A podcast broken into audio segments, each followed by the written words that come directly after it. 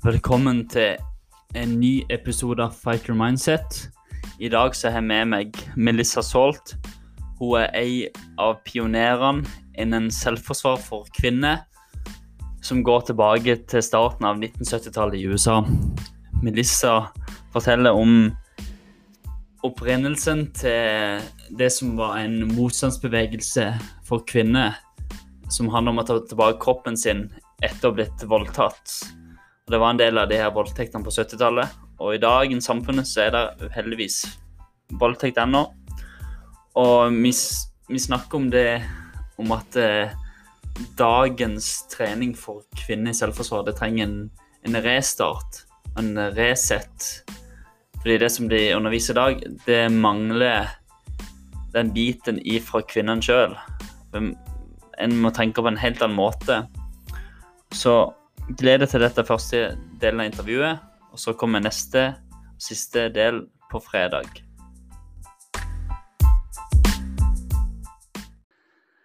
Welcome, Melissa Soalt. Thank you so much. Queen, I was a queen of, well, queen of women's self-defense. yeah, that's. You were I'm calling queen you of queen of self, like women. Ah, queen, yeah, you're the queen. well, like. Well, thank you. Yeah. I will. I will get my tiara. no, it's um, um. The reason I reached out to you was well, one of my good friends who, he's he's working in the behind the scenes, like my good buddy Ola. He well, when we started training together, we met. Well, we got to know each other last year, so we known each other for a year and so. And like, it's it's so it's so amazing to see like how a friendship can develop and like mm. um when two people like two uh, martial arts nerds well those who are like interested in in people helping people and like have the same passion and heart for helping people like leading into different kinds of uh, relationship with other martial arts. Well those who are helping people richard dimitri pamela armitage tim larkin um yeah mark mc well there would be some other Marc MacYoung and so on. Yeah. And then he told me you, you have to check out Melissa Soalt. I got some. Well, he told me he bought some VHS videos. I think from, from your of your work, and he's he told me there are two there are two persons though that I've looked up to when it comes to this. It's Melissa Salt and Marc MacYoung. So, yeah. Wow. Yeah. That's say about that. I I appreciate that, and uh, well, Thank you. Yeah, I've been I've been involved in this world forever. It seems like it's my life. Um, so I I do have some perspectives, you know, being at the beginning of this women's self-defense movement. Mm you know, and then its growth into a sort of industry and the pluses and minuses around that, and and and you know, views on what really matters about women's self-defense. Yeah. And, um, like, why it's a little different than training men. I mean, I, I don't train men. No. I mm. train women, and I know a lot about women. I'm also a former psychotherapist from a, a trauma background, so I mm. was working in that field concurrently while I was getting into, you know, martial arts and then women's self-defense. The original, what was then called the model mugging, changed names, padded attacker, original adrenaline state mm. scenario training method before it got into the martial arts field and then you know over the years evolved into what i call my fierce and female um, program which is really more about an approach mm. than anything and it really delves, delves into the why we help we need to help women become emotionally and psychologically prepared for mm. violence and assault it isn't just about the physical and it also really um, i'm very invested in evidence mm. And what the evidence shows us in terms of who assaults women and yeah. mostly they're people we know yeah. so there's some you know a little bit of i feel like this i feel like the women's self-defense needs a total reset mm, yeah. that we really need to kind of re-examine it based in certain realities and what's really relevant to women's lives and see it as something very specific although related to other self-defense systems and different than martial arts it's all about what is self-defense by definition. This is one of the things i often start out when i teach and ask women you know and it's not you know kicking and striking. By definition self-defense is everything we do to protect and defend the self. Mm. that's a lot of stuff yeah it is right it is, yeah, it it's is. a lot of stuff and certainly you know the the practical uh, physical and psychological and boundaries and strategies all that stuff is part of it but it also kind of goes deeper so i'm the girl that goes deeper a little bit deeper than yeah. some others yeah. and um, but i'm also very practical and when it comes to physical you know last resort emergency self-defense i'm just as combative as any of them because I don't believe in self defense light if you have to go physical. Mm. So there's a whole history here. yeah, like what I've seen when I've been teaching, I've had two courses. Like I, I was teaching a small group of women, and like some of them, like they had been exposed. Well, they have, well, they were victim victims of somebody they knew were uh, assaulting them for some for years and some for like over yeah a period like you can see the spark in their eyes like when they managed to like elbow my buddy who was wearing a helmet protection helmet and you can see like like they were taking back something they had lost and like it's difficult like t- to if you don't like of course it's easy to put up a free self-defense course for women and like there's been tons of them here in norway where like everything's about the physical well like use your flashlight to as a weapon use put a brick in your purse and yeah. yeah. and we always have a brick in our purse because you know we gals we like big purses and everything falls yeah. to the bottom i'm like, joking but yeah. exactly it's been reduced to a small piece yeah. Yeah. of this. So, um, I mean, if, if you're interested, I can talk a little bit about where did self-defense for women begin because yeah. it was it was a revolution. Yeah, I would love to hear about it. So I'm dating myself here.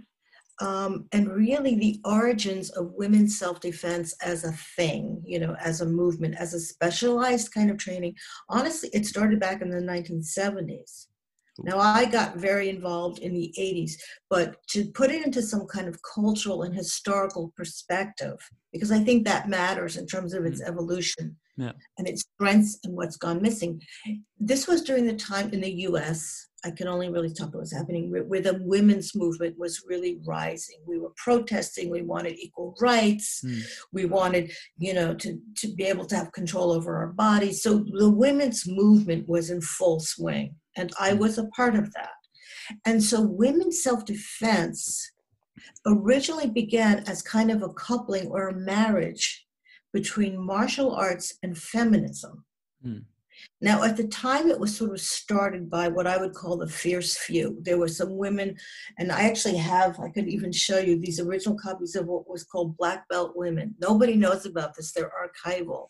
And so, it really was started as this kind of, you know, women in the martial arts, and there weren't a lot of women in the martial arts, and mostly it was stand up, punch and kick kind yeah. of, you know, so mm-hmm. between that and women's fighting for their rights, it began as a resistance movement to combat rape hmm. and as a means for women to sort of take their bodies back, to take ownership of their bodies and hmm. themselves. So on it's it some other martial arts systems also began as resistance movements, but so did women's self-defense.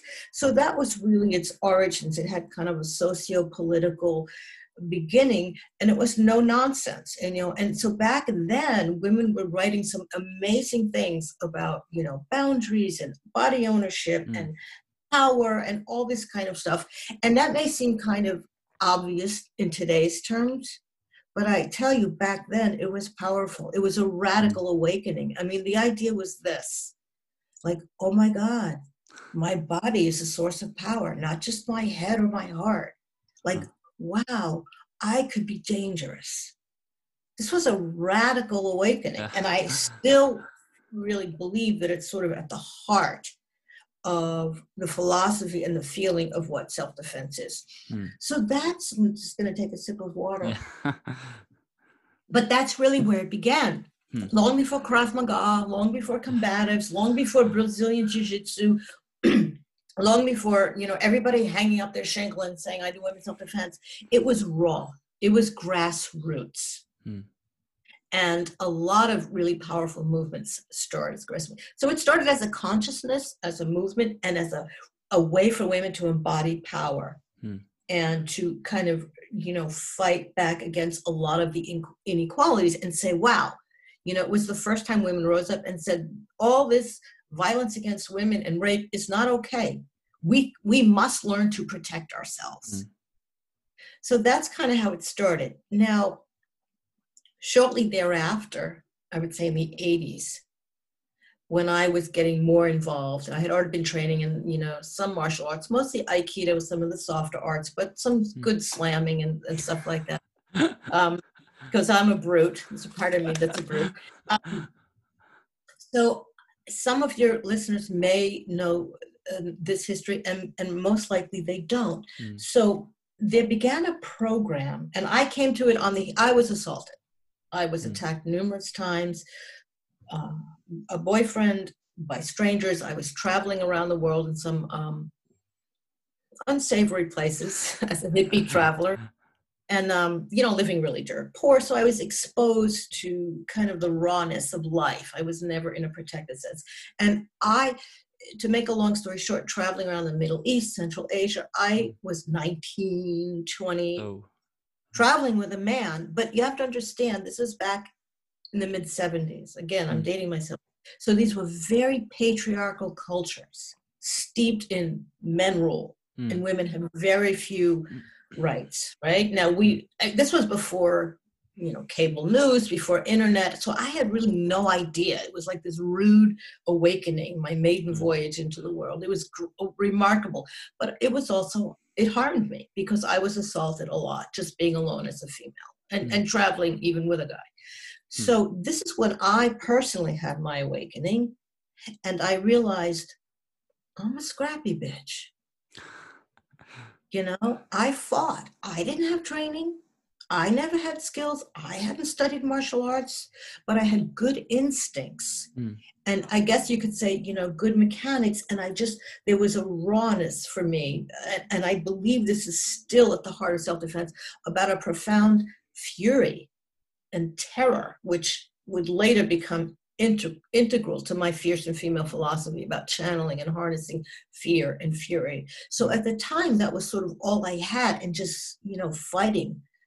And I was able to escape a lot of um, would-be rapes, a few of them. I was I was beaten up. I had a knockdown street attack. You know, pummeled somebody. They had to tear us apart. I broke a guy's hand once. That was a big deal.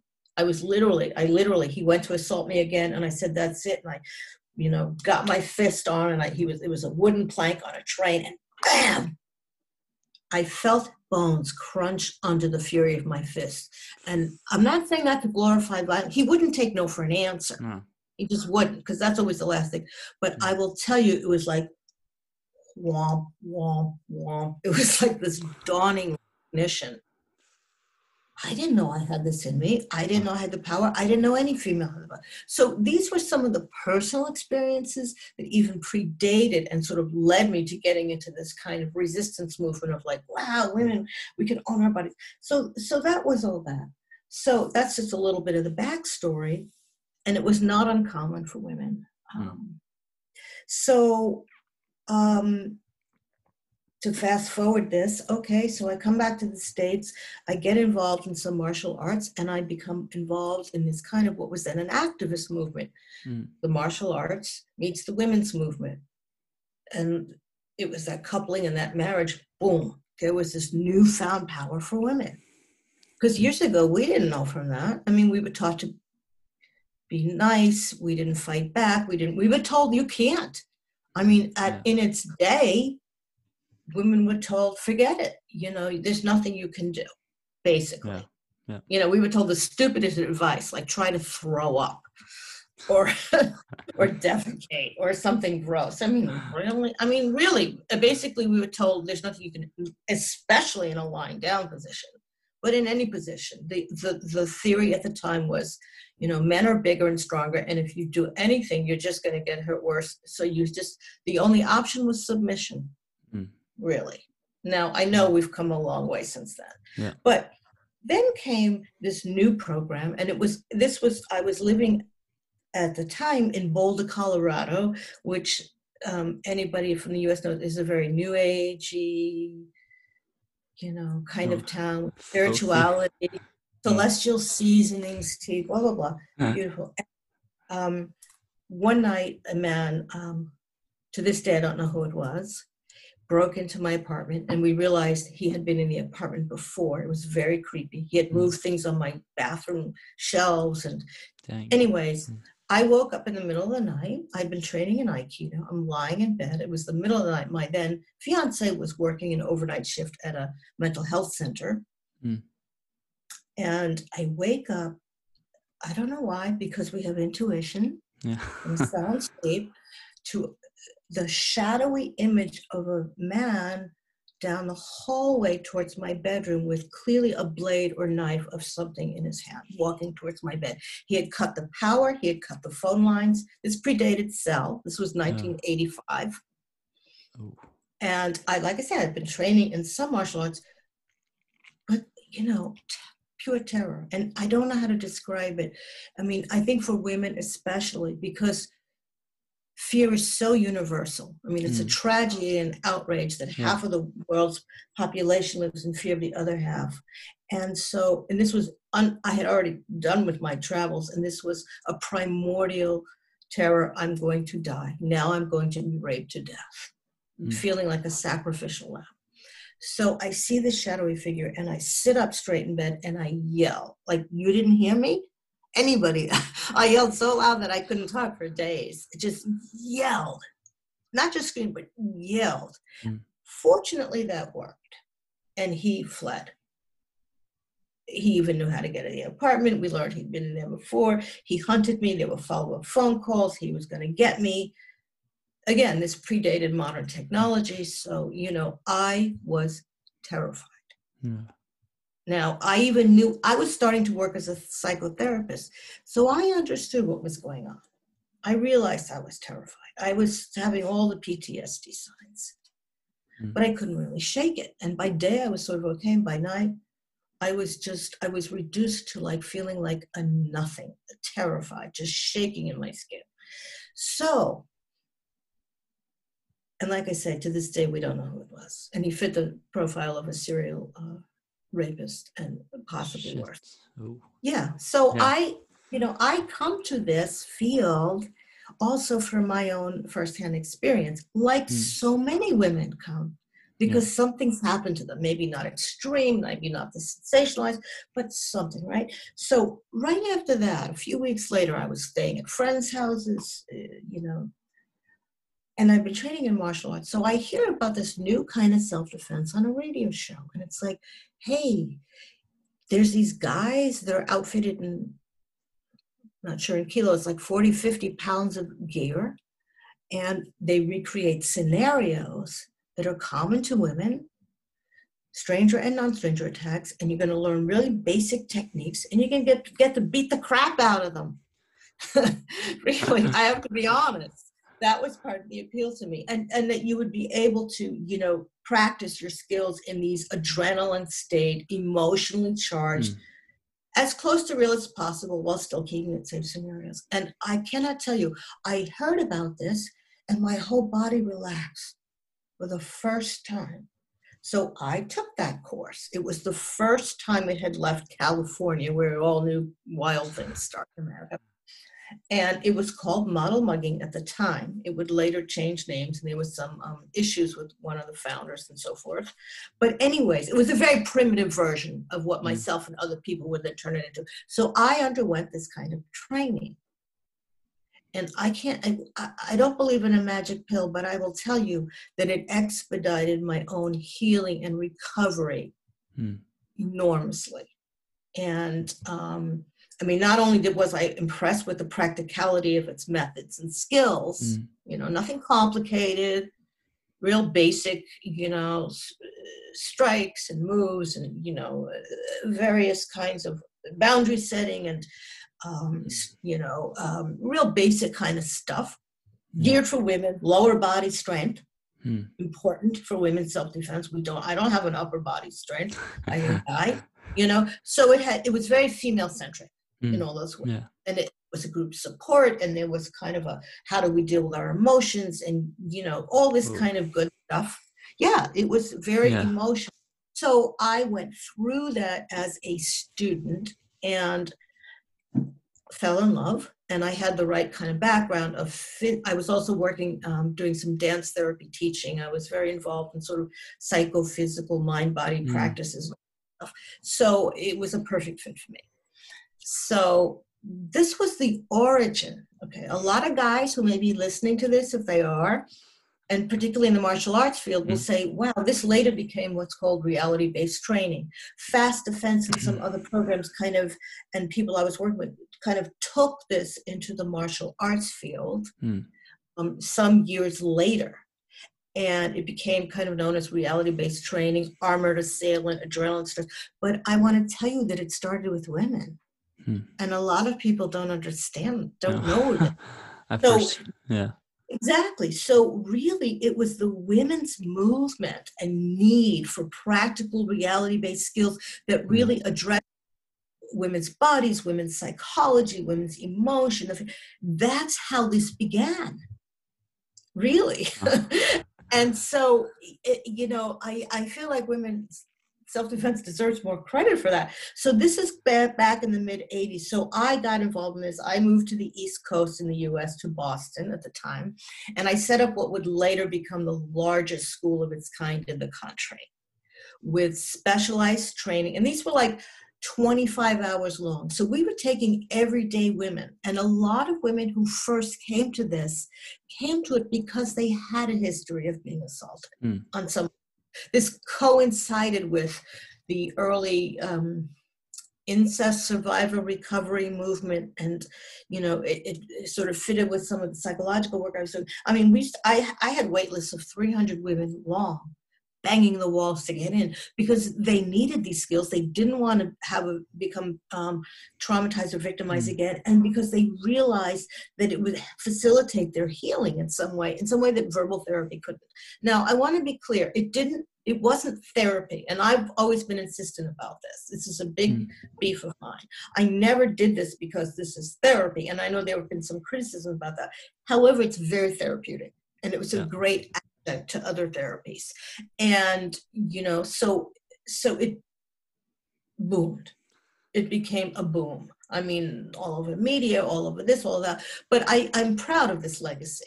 Mm. i'm very yeah. proud of this legacy because it's very powerful. And I'll, I'll explain a little bit in a minute a few minutes how it evolved into some other things. But this is its roots. We would hmm. we were it was sort of a laboratory as well as a training where we were kind of collectively developing language for this kind of training. This adrenaline state training and developing scenarios that were not just like you see nowadays and I, am kind of critical about this you know not just a big scary eh, kind of one dimensional uh, persona in a suit. No. I mean we were dealing with simulating instructors and it was a year long training who were in a sense kind of being the father that hurt them, or the uncle at the family picnic, or a woman, or somebody. So there was the beginning of what we called garbage mouthing. Now, this means mm. the verbal attack. Because, and myself and other people kind of took it light years ahead from its original primitive origins. And we mm. created a group dynamic, involved discussions, it met like four or five times for hours at a time. So it was a very immersive kind of training. And there was only like maximum like 16 or so women in a group and um, a fair amount of instructors. So, I mean, we're taking women step by step, women with zero training. And at the end of it, you know, my goal was to turn them into serious fighters. Hmm. Not a lot of skills, I mean, basic skills, and also to develop and fortify the inner strengths and the you know all of the psycho-emotional preparedness and create an environment at the time this was very important again the women's movement there was a lot of support and not coddling I want to say that because there've been some criticism. I never coddled my students. At the same time, you know, it's like, okay, there's a theme here. How many of us are feeling this? Let's look at what we need to do individually and in a group to take the next step, right? Because yeah. we learn as a group. And I think women, and this is one of the reasons why I think we need women's self defense, which isn't to say women can't also go and train in anything. We mm. do, and that changed. I mean, probably 40% of students in Krav Maga and other systems are female. Yeah. When? But at the time, we needed, women kind of really needed more of a support system. Yeah. There wasn't a lot of support, you know, um, women telling their stories. There was no Me Too, was just beginning to happen. So, and women, I think, naturally, this will tie into my view of a women's warrior paradigm, and I think it's a little bit different. We naturally borrow and loan strength from each other, empathy. It's mm. one of our skill sets. Mm. Yeah. And it's also what allows us to be able to read behavior you know to we have a certain sensitivity about that. But as a group we also like you know there's another woman out on the mat and she's going through a scenario and maybe it's a rear attack maybe it's a ground fighting or rape we call them actually rape attacks. And the headed attacker and it was very customized. This wasn't just one size fits all. So, mm. boom, there he was, and maybe he was saying certain things. The the verbal abuse attack, rather, not abuse. I, I take that back. The simulated attack because they had acting training. Oh. So here oh. they are simulating a bunch of different characters. It's the quiet, sleazy guy. It's mm. the family man. It's the crazy. It's the nice guy in the neighborhood who's been getting all of a sudden too close, too fast, and all of a sudden there he is in your house and he turns on you. So, you know, there's a whole range of what are the most common ways that women are attacked. And this is relevant and this is yeah. reality based. Yeah. And that's why I, I, I, I stand in some opposition and, and really feel like we need a reset because to only mm. do one dimensional stuff is not reality based for women. Because it's more creating so, um it's more creating a false sense of mm-hmm yeah false sense of like if if we're gonna teach him like something like we only do it like in one setting and creating this like false there's nothing real about it in the end well there's something well, i mean well, some, yes yeah but the the bigger narrative is not that no. you know that is and so yeah and, and i will i would like to talk a little bit more about you know the sort of reset and what i'm mm. encouraging and really um, aching for more instructors yeah. to understand. But so this was sort of the origins of all of this, mm. right? And the courage was phenomenal.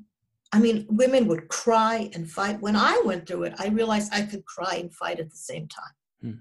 I mean, just really powerful human experiences, right? Mm. So we borrow and loan each other's strength, and this is sort of how the group dynamic could could propel the whole group forward. And so, you know, people who are uh, less experience would be sort of pulled along and you know so so this was sort of the methodology. And mm. it was it was i talk about it almost in a psychological sense as a curative nightmare. You get a little bit it's like a vaccination okay? So the verbal you know affront and all this graduated. It wasn't like you hey welcome to class. Now get ready and here comes a big pattern no no no. It was done very methodically step by step front situations, rear situations, standing pins, lying down, like a few basic kinds of things. And then situations where you're walking down the street and you have no idea. Maybe the guy just passes you by. And it's about body language and your voice and mm. attitude. And maybe there's a front confrontation. And maybe you walk on by and all of a sudden there's kind of a predatory attack from behind. So by the time they were done, they were there was the element of surprise so it wasn't just m- methodical. Mm, now it started out like, hey, you know, I'm a big padded guy. The first class, I'm like a stuffed bear, and the coaching, more power, more power. So is also it was also the beginning of what would become a very tight teamwork model, female and male instructors, which is my favorite model. I mean, I it's just I feel like it's the best approach. It's a teamwork model Mm. because we, you know, gals and guys need to work together on confronting this issue and helping empower women. Yeah. I do think that there is great advantages to being a female instructing other Yeah. females. Of course. I'm yeah. not suggesting because it, for natural, obvious reasons that I'm kind of describing, um, which isn't to say that I don't also support a lot of guys who are teaching women, especially some of them in particular. I've learned some of the gnarliest, you know, nastiest, if you have to go from grizzled military guys, for God's sake. You know, I mean, yeah, that's who you go to for the really, you know, some of that stuff, right? Yeah. Yeah. So, but it was very tight teamwork because basically it was both a combination of challenge and support. Mm. So the female instructor coached and supported and was the primary um, role model, and the male instructor, when he was all suited up, became the embodiment of a bad guy with his helmet off. He was a really great guy, and we all talked together. everything. But that's where there was a. It's from a psychological point of view again, a learning model from Mm, pedagogy of learning. You have to balance the support and the challenge. We didn't want to traumatize people by No. just you know. So so it's very the level of training was very high end. So this is really the roots. Hello, Huh. this is where it started. The adrenaline stress training model. And yes, it evolved, but this is where it began in the women's community. Huh. Long before it broke into the martial arts world and the more contemporary Yeah. fighting art world, where nowadays it's like, you know, every other person, they think you put on some armor and you pretend to be the bad, bad guy, and that's it. Okay, Yeah. there's some good things about that. More people are getting trained, but there's also some. I actually wrote an article for Black Belt uh, some years ago called "Padded Assailant Training: Are You Helping or Hurting Your Students?" Because if it's not done well, what happens is women flail. That's what you I know? meant about like creating these faults. Like it's. it's That's what you meant. That's what I meant. Like so- it's it will right. it's more hurting like than it's helping. So like that's what I see like from my short time of yeah like what I yeah yeah it can pattern in bad behaviors Yeah. as Yeah. well as it i mean the part of the goal was to sort of bypass what we then called the freeze and flail responses and to be able to stay f- i mean there was a lot of things on focus settle breathe get ready you know Mm. the internal preparedness and so you know now and timing but if it's just if it's just me or some guy or some woman even in a big padded suit going out there alone it's just kind of let's have at it it doesn't retrain the neurological system no in the same way. And what happens is you see a lot of panic, you see a lot of kind of crappy shots when it goes physical Yeah. and flailing. And that's and that's what our body remembers. You Mm, know, I mm. actually don't believe there is such a thing as muscle memory. I speak about it more as neurological memory. It it, it mm-hmm. goes into mm-hmm. our neural network. It's not muscle per se. So okay, so so this is kind of how it began. Now I will say too, and I'm not afraid to say this, there was a fair amount of criticism from the martial arts community until it mm-hmm. ventured in, saying, "Ah, this is fakey. The guys aren't really attacking," and and there's some elements of truth to that because it was an asymmetric model of training. This wasn't for martial artists. It wasn't what's become popular. Um, I know in, in the UK, and a lot of places, and I don't it just it, it became known as testing, pressure testing. Mm. We actually started using it not only to test women, but as a way of training them. So, for example, we're learning entering moves, right? How to not retreat, how to not recoil when nothing else will do. You go in, you charge in. I mean, all these basic combative principles. So, how we would set up the drills and how I do set up the drills is in such a way that I'm coaching, and so the guy in the armor is also a little bit initially exaggerating his response because I'm training the woman move in, take the space, go in, boom, bah. Mm. Now she gets it. Oh, that tastes good. I like that. You know, so now there's a reward as opposed to just sort of sort of letting anything fly. So our original approach in this model, and I still, you know, believe in this, is that it's a whole way of tra- simulations training with um, kinesthetic and realistic feedback, not just testing them. So um, it was a little hard to express that. And so, yeah, it's true that, you know, we weren't just like having women come in the door and just you know, going full combatives. Hmm. That wasn't the point. Hmm. The point was to train and prepare women for dealing with a range of things. And if they had to go combatives, then we, I want a woman to get how to move in, when to move in. And, and so we would create situations and drills and scenarios that would facilitate that. So she got it. And then the next lesson came, and then the next lesson came. A hundred, a zero to hundred percent. Be explosive if you have to go physical. And so the scenarios and how we would teach would reflect that lesson needing to be learned. Really high end stuff, right? Yeah, yeah, yeah. I mean, seriously. So, okay. So, um, it's true, like I said, you know, and so I've been involved. I was, that's, that was sort of my mother lineage, if you will, in terms of contemporary self. And then what happened for me as I began to evolve is, um, and I was doing a lot of corporate training, on site training. We developed a men's program with um, my then uh, training partner, Michael Haynack, who was one of the original founders, actually, of a, a group called Ramcat, um, which was out in Colorado. And, anyways, training specifically that reflected more the ways guys are attacked. Hmm. Yeah. Okay. So the other the other piece that's important in understanding women's self-defense and why it matters to have some different models is because we aren't attacked always in the same way. Okay, let's put street attacks aside for a minute. Yes, Hmm. street violence happens. I was attacked by strangers. Sexual violence sometimes happens by strangers, but in 75% of the cases, not. Yeah. So, how is it that women are assaulted? Men, let me take it back. I say men only because the greatest majority of sexual assaults, in particular, are committed by men, which is not to say that women can't be aggressive, Hmm. which is not true. to say that women cannot pe- perpetuate abuse and violence. They can and they do, Yeah. but a much smaller degree. So, forgive me for using that language. Um, but how, how does that happen?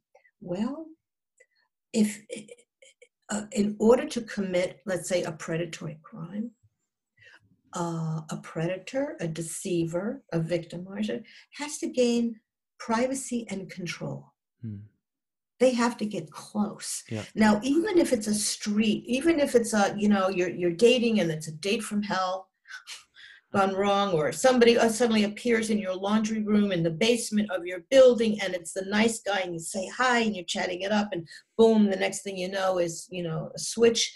So they will use methods to cozy up, and, and I would be happy to reiterate some actual stories if you like, to gain closeness. And I don't just mean physical, spatial closeness, I also mean in your life, in your heart, Yeah, in yeah, your work, yeah.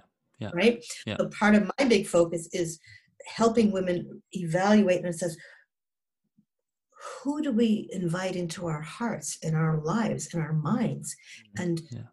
how do we set boundaries with that and you know all that sort of stuff so but basically universally i've taught in india i've taught in nepal i've taught in europe i mean i have colleagues all over the world the patterns are pretty much the same Hmm. in yeah. that a would-be predator or abuser victimizer has to get close first of all they have to gain proximity in your life in your world in your space Yeah. and ultimately deception ultimately there are behavioral clues but you know the best among us can be fooled so but then when it gets down to you know the the dirty deed if you will they're going to use their greater size Hmm. Yeah.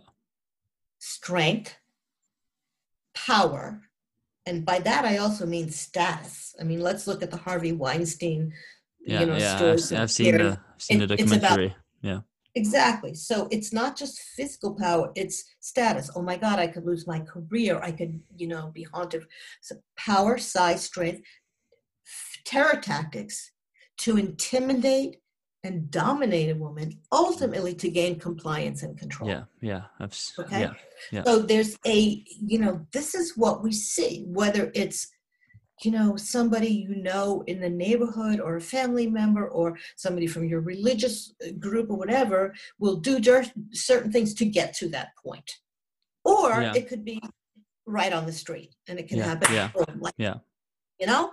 So so these is this is why the methods that I believe that we should be teaching women that I want women to learn will reflect these things. Guys generally are not going to spar and duke it out with a female. Not if he wants Something. control over. Yeah, he yeah. will engulf her, grab her, slap yeah. her, throw her to the ground, and use these psychological ploys, basically getting into her heart on yeah. some level.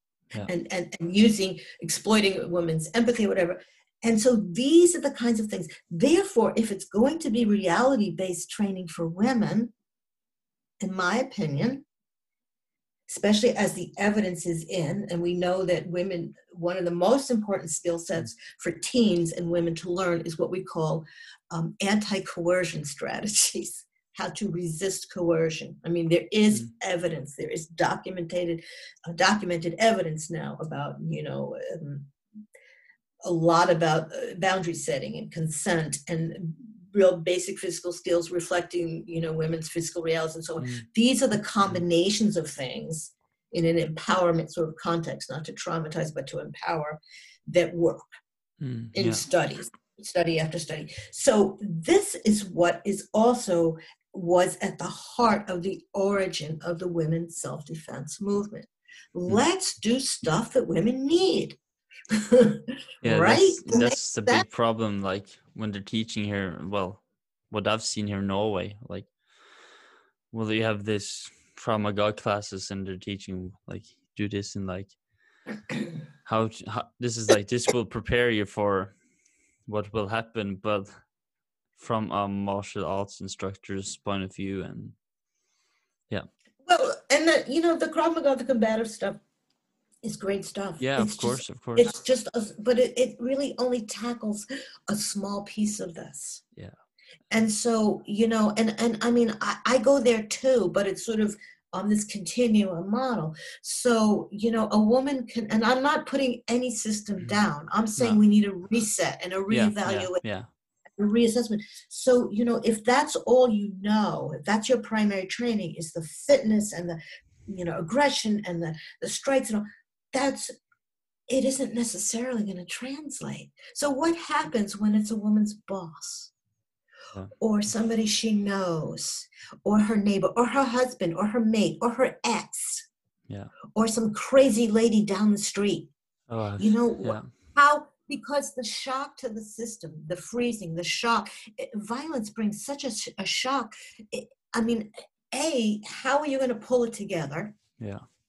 B and that takes centering and part of my actual aikido background has been really useful because i focus a lot on how do you collect yourself where do you go inside of your skin to pull yourself together to collect mm. yourself to be focused right so you know that's all great for the extreme what i call emergency self-defense okay yeah. and you have to go fully combative but it, it, it may have very little translation mm. in the reality yeah. of the yeah. kinds of things and also let's be honest, you know, I mean, uh, let's say I'm a female and there's somebody at my workplace who's too touchy feeling, just I'm uncomfortable. Yeah. Now, I always tell women if you're uncomfortable, don't just awareness, situational awareness uh, externally, situational awareness inside. How do you feel? Mm. What's going on? What's your sensory awareness? What's your right? What's your emotional condition? Or if you feel uncomfortable that's a good enough reason to say something or do something or leave or mm-hmm. change your mind or just speak. I mean, we teach a lot of verbal skills. So maybe you're at the workplace or maybe it's in your social community or your church or whatever it is, mm. right? And somebody's just touching you too much or you're not comfortable, they're getting a little too close. Now, if that was a bad guy, and I'm not suggesting it is, but if a cluster of behaviors said, hmm, I'm beginning to feel like this person may have harmful intent, right? Yeah. yeah. I you need to act sooner than later. Always. Say something, do something, you know, mm-hmm. leave. Take some action on your own behalf. Could be a lot of different things, right? So let's say you're in that situation, at work, whatever, and you know, Bob is just cozying up too much, maybe mm. touching your leg, touching you here, and maybe he's actually testing yeah. in his mind, what is her response to my intrusion? Mm, yeah. Yeah. Well, if you let me touch her like this, okay, maybe, and maybe he's just, you know, just uh, feels entitled or just uh, for whatever reason. So, you know, are you really going to go ballistic on that person and go to your Krav Maga? Of course not. That's out of whack. That's out of line. That's out of place. Yeah, yeah it is. You know, I mean, now you're, and then you're in a legal situation. I mean, of course not. You know, I'm not going to go ballistic, slam, wham, bam. Of course not. Yeah. No, I'm going to no. go to my first lines of defense. Yeah. Say something, see how I feel, take some space, maybe remove the, you know, hand and say something. Wow, you know, Bob, I work with you. We have a good working thing, but I'm I'm uncomfortable. You know, Mm. when you touch me like this or do this, can we have a sit down talk about this? I don't I, next week. Yeah, and for some That, it's it. And for some it's stuff. yeah, and for some it's even difficult to actually speak up to Bingo. Yeah. Bingo. Yeah. And it is. And so, right. And so, again, if it's like gun crazy stuff in America, if all you know is shoot, that's what you're going to do. Yeah. That becomes the go to. I mean, cops have some of this, but a lot of people do, right? Yeah. If that's all you know, and now you're faced with stress, chances are that's what you're going to do. Yeah. I don't want women to just, you know, just like I don't want. So I want women to have a range of options and to be able to practice these skill sets in a class. We're going to do verbal skills. We're going to do a verbal scenario. You're only going to be able to use your voice, your body language, and your words, and you have to deter this person. Mm, yeah, So we're practicing these skills, you know, because that's, you know, it's like you said, you know, and it is hard for a lot of women to speak up. Yeah. I think hard for a lot of men to speak up too. yeah. Of course, I- yeah, it I- is. I- yeah, I've been there myself. Like, Right? yeah, honest, Right, honestly because- speaking, it's it's difficult. Like because what? Okay, I because like once you open your mouth, like suddenly, okay, I'm a like I'm a church guy. Well, I used to be a church guy. It was like somebody stepping on my toes, like speaking, a sort of speaking, stepping on my toes. Like I would just like. Um, Clamp up, you would just go silent. yeah and like doing it for you like it it makes you like it makes you well sick like when i say it makes you sick it's like you get sick by it and like all depression all that stuff yeah like yeah. I feel for you. And that's, I appreciate you saying that. I think in some ways it's harder for men to talk about this than women because women have a big social, it's, it's become, like it's become more common. But, you know, again, as I evolved in this, in this kind of world, men didn't talk about sexual assault. It was taboo. Yeah. Even more so than women. So yes, that's what happens. And part of the, one of the philo- philosophical bases of um, sometimes we talk about the five fingers of self-defense and tell, speaking and telling is one of them mm, right? So for a lot of women and as you say a lot of men it's hard. Yeah. It's hard for a lot of women to say no. Because of cultural conditioning because of socialization mm, because of religious conditioning whatever polite conditioning right? It's hard.